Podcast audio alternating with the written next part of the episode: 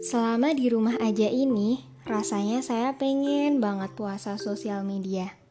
Tapi gimana kuliah online saya dan ujian akhir saya nanti? Gimana kalau sewaktu-waktu ada pengumuman tentang KKN atau magang kependidikan? Sepertinya saya harus mengurangi intensitas saya di media sosial banyak hal yang bisa dilakukan di rumah tanpa menggunakan gadget. Terlalu banyak berita yang masuk ke dalam pikiran saya tentang orang-orang yang dirumahkan dari pekerjaannya, bahkan sampai ada yang diminta untuk mengundurkan diri. Ada yang usahanya gulung tikar, ada yang tetap masih berjuang di tengah pandemi. Ada yang meninggal karena mencari sinyal untuk mengikuti ujian. Ada juga yang harus menumpang wifi tetangga. Ada yang udah bosen banget dan bodo amat sama kondisi sekarang. Terhitung dari akhir Maret, saya masih di rumah dan hanya keluar untuk belanja bulanan. Buat orang-orang yang biasanya pergi pagi pulang malam atau bahkan pergi pagi pulang pagi lagi, mungkin bakal berat menjalani hari-harinya yang cuma di rumah aja.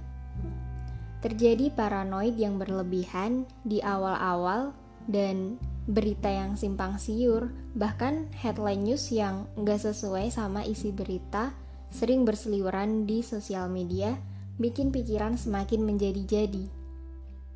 Isinya cuman kecemasan, kecemasan, dan kecemasan. Gimana nanti kalau ini? Gimana nanti kalau itu? Kayak gitu terus yang selalu berputar-putar di pikiran saya dan rasanya berisik banget. Bahkan dulu saya sering update di sosial media tentang perkembangan kasus ini. Sampai-sampai ada teman saya yang mengingatkan kalau jangan menyebarkan berita buruk itu cuma bakal menimbulkan kepanikan. Ya, mungkin saat itu saya sedang mengalami mental shock, dan tanpa sadar, mungkin kalian juga mengalaminya sendiri. Yang biasanya banyak kegiatan sana-sini, hobi traveling, dan sering kumpul di kafe, tiba-tiba diisolasi di rumah dengan akses yang terbatas dan waktu yang gak bisa ditentuin. Kita semua berurusan sama ketidakpastian yang belum pernah terjadi sebelumnya. Pertanyaan-pertanyaan berulang yang selalu menghantui pikiran adalah kapan ini bakal berakhir? Atau seenggaknya kapan lekas membaik? Rasanya tuh iri banget sama perkembangan kasus di negara lain yang semakin hari semakin membaik. Rasanya udah frustasi banget sama rutinitas sehari-hari. Gak ketemu banyak orang, gak ngeliat dunia luar, bahkan kehilangan kesempatan buat ngelakuin banyak hal menyenangkan di luar rumah.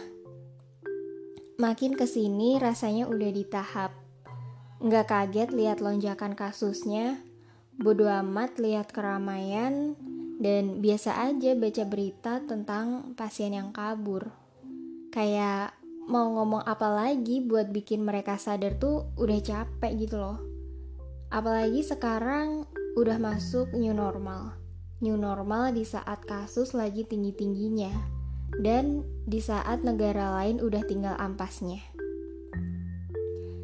Jadi daripada stres mikirin kasus ini yang nggak tahu kapan selesainya, saya coba membiasakan diri untuk melakukan kegiatan yang mungkin jarang saya lakukan kalau saya nggak punya banyak waktu banget. Pertama, olahraga.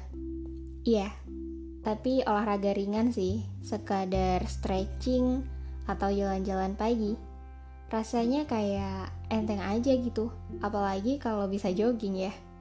tapi jiwa mager saya terlalu mengikat kuat. Jadi ya olahraga yang bisa dilakuin di rumah aja. Kedua, mengonsumsi makanan bergizi.